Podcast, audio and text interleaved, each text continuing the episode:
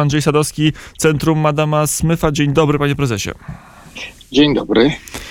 No, polska gospodarka zbiera się po danych, jakie opublikował GUS w tym tygodniu, we wtorek, a przed nami jeszcze za chwilę opublikacja danych o szybkim rachunku inflacji. To zaraz na początku przyszłego tygodnia. Jaki obraz polskiej gospodarki jawi się na koniec tego roku? Wydaje się, że wchodzimy w kryzys, a inflacja nie słabnie. To jest obraz raczej e, świata polityki. Gospodarka odbiera sygnały ze świata polityki i niestety te sygnały są e, dezorganizujące działalność przedsiębiorców. E, stąd mamy takie, a nie inne efekty.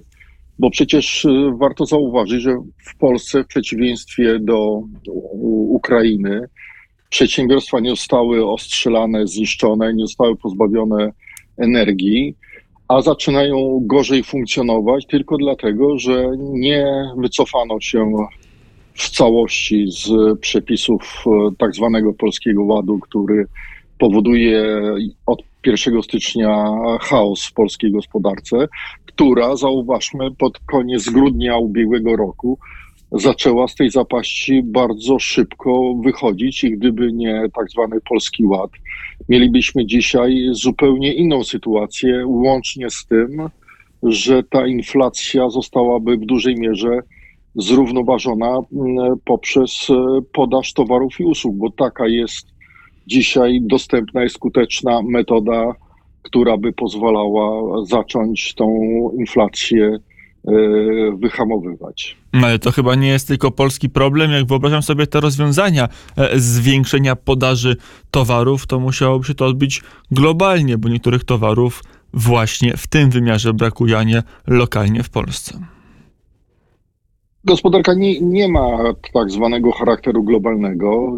Mam to, jak widać, po stopniu inflacji E, która jest e, kilkanaście razy czasami wyższa w jednym miejscu niż w drugim, gdzie występuje śladowo. To nie jest tak, że inflacja jest takim samym szkodliwym zjawiskiem i w Polsce, i w Japonii, czy Francji, już tutaj posługując się bliższymi Polsce destynacjami, takimi jak właśnie jeszcze Szwajcaria. Stąd e, to jest kwestia tylko zasięgu i głębokości szkodliwości. Nasza jednak gospodarka dzisiaj, jeżeli są takie gorsze dane, właśnie jest w sytuacji, w której niektóre towary i usługi przestają już pojawiać się na rynku już od wielu miesięcy. Stąd mm, w wyniku właśnie tego chaosu, o którym mówiłem, brakuje, zaczyna brakować ewidentnie towarów, co zresztą każdy z nas może zauważyć poprzez y, braki na półkach nawet zagranicznych sieci, gdzie już od wielu tygodni, a nawet miesięcy nie ma artykułów, do których się przyzwyczailiśmy, a były produkowane w Polsce bez udziału chipów e, e, i to była dosyć prosta produkcja.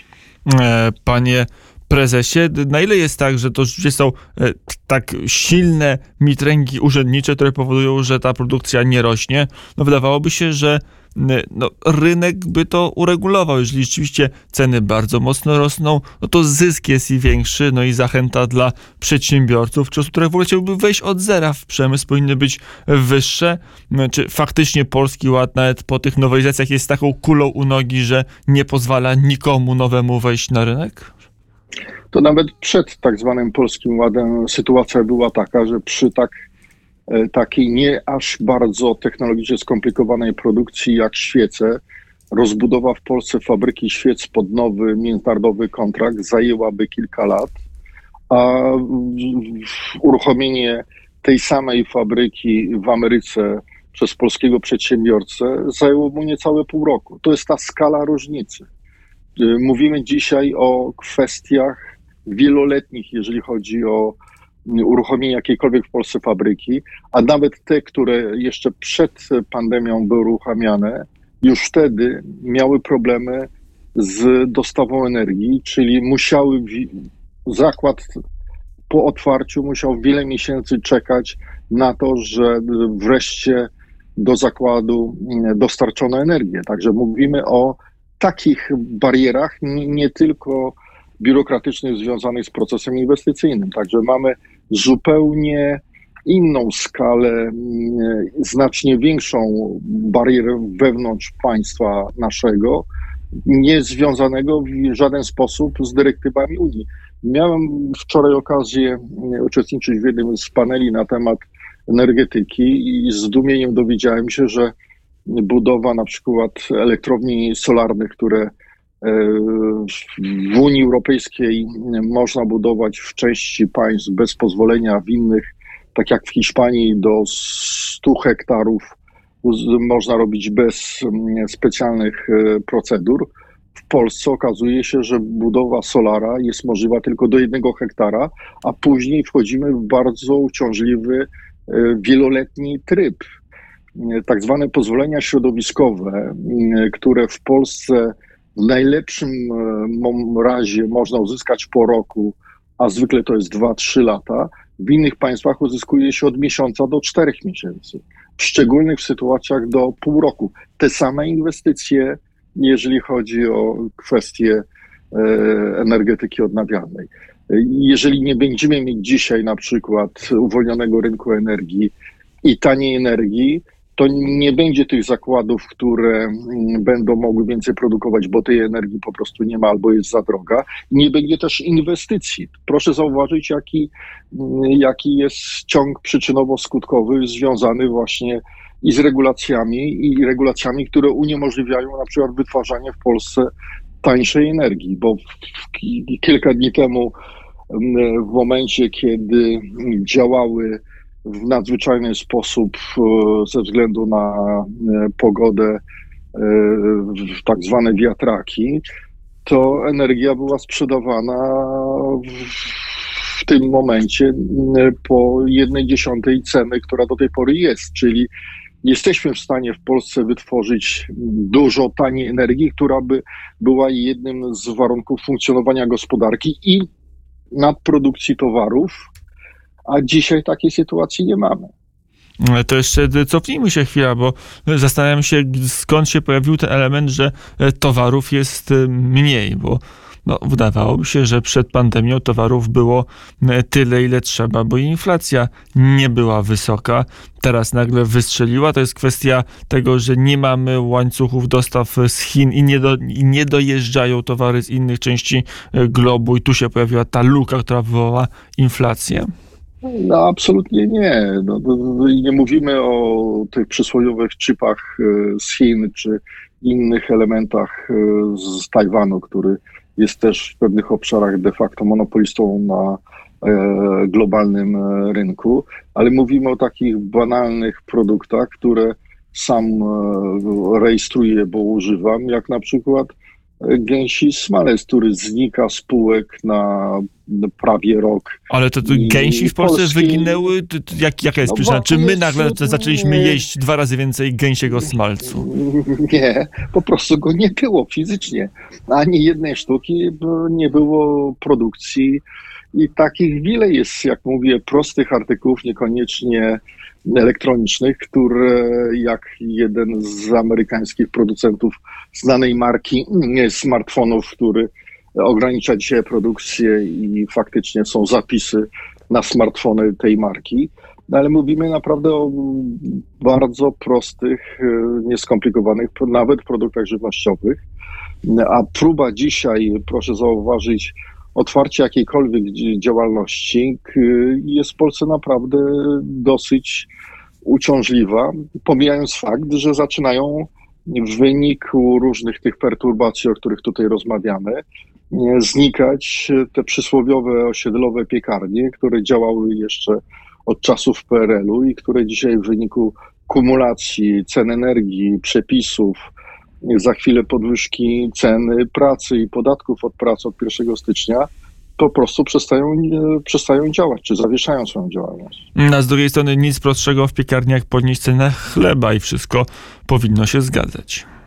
Ale w przypadku akurat piekarni warto zauważyć, że to jest jeden z bardziej konkurencyjnych w Polsce rynków, że nie ma monopolu na bułki w mieście jedna piekarnia, tylko tych piekarni i piekarenek jest wystarczająco dużo, a poza tym jeszcze dowozi się chleb z innych miejscowości i w Warszawie mamy tutaj mm, do wyboru, do koloru, a mimo to te ceny i tak rosną ze względu właśnie na e, spadek wartości pieniądza i konieczność płacenia drożej za i pracy i usługi. Jasne, ale to co w tym mamy?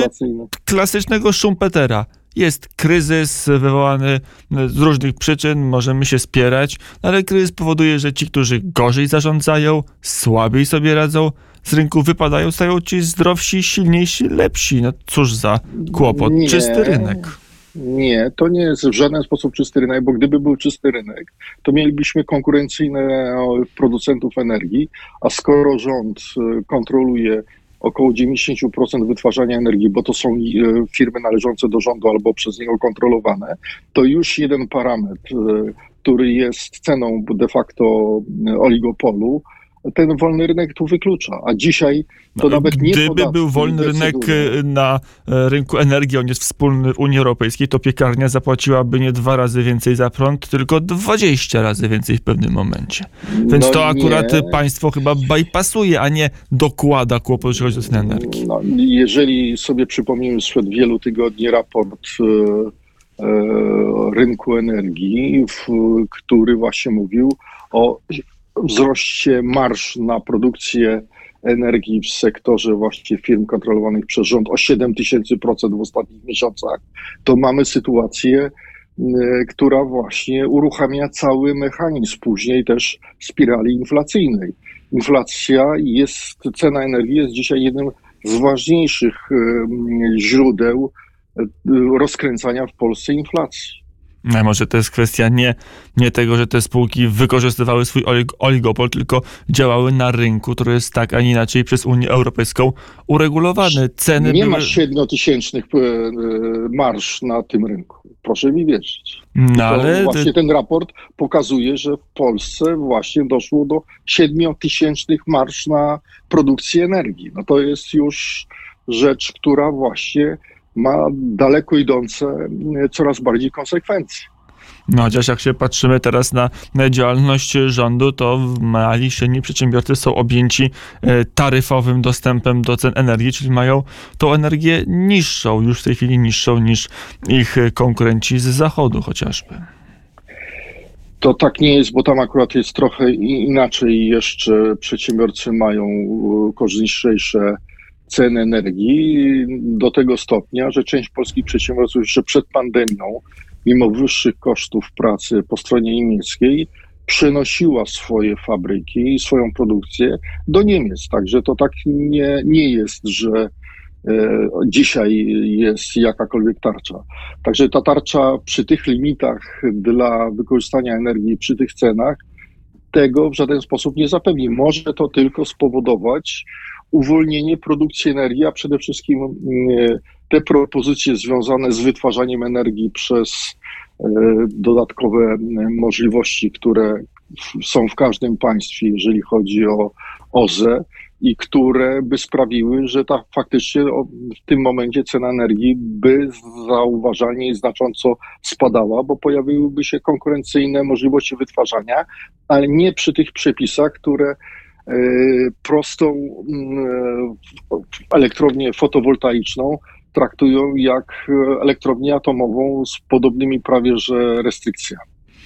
E, Powiedział e, w naszym e, kurierze ekonomicznym Andrzej Sadowski, prezes Centrum Adama Smyfa. Dziękuję bardzo za rozmowę Dziękuję. i do usłyszenia. A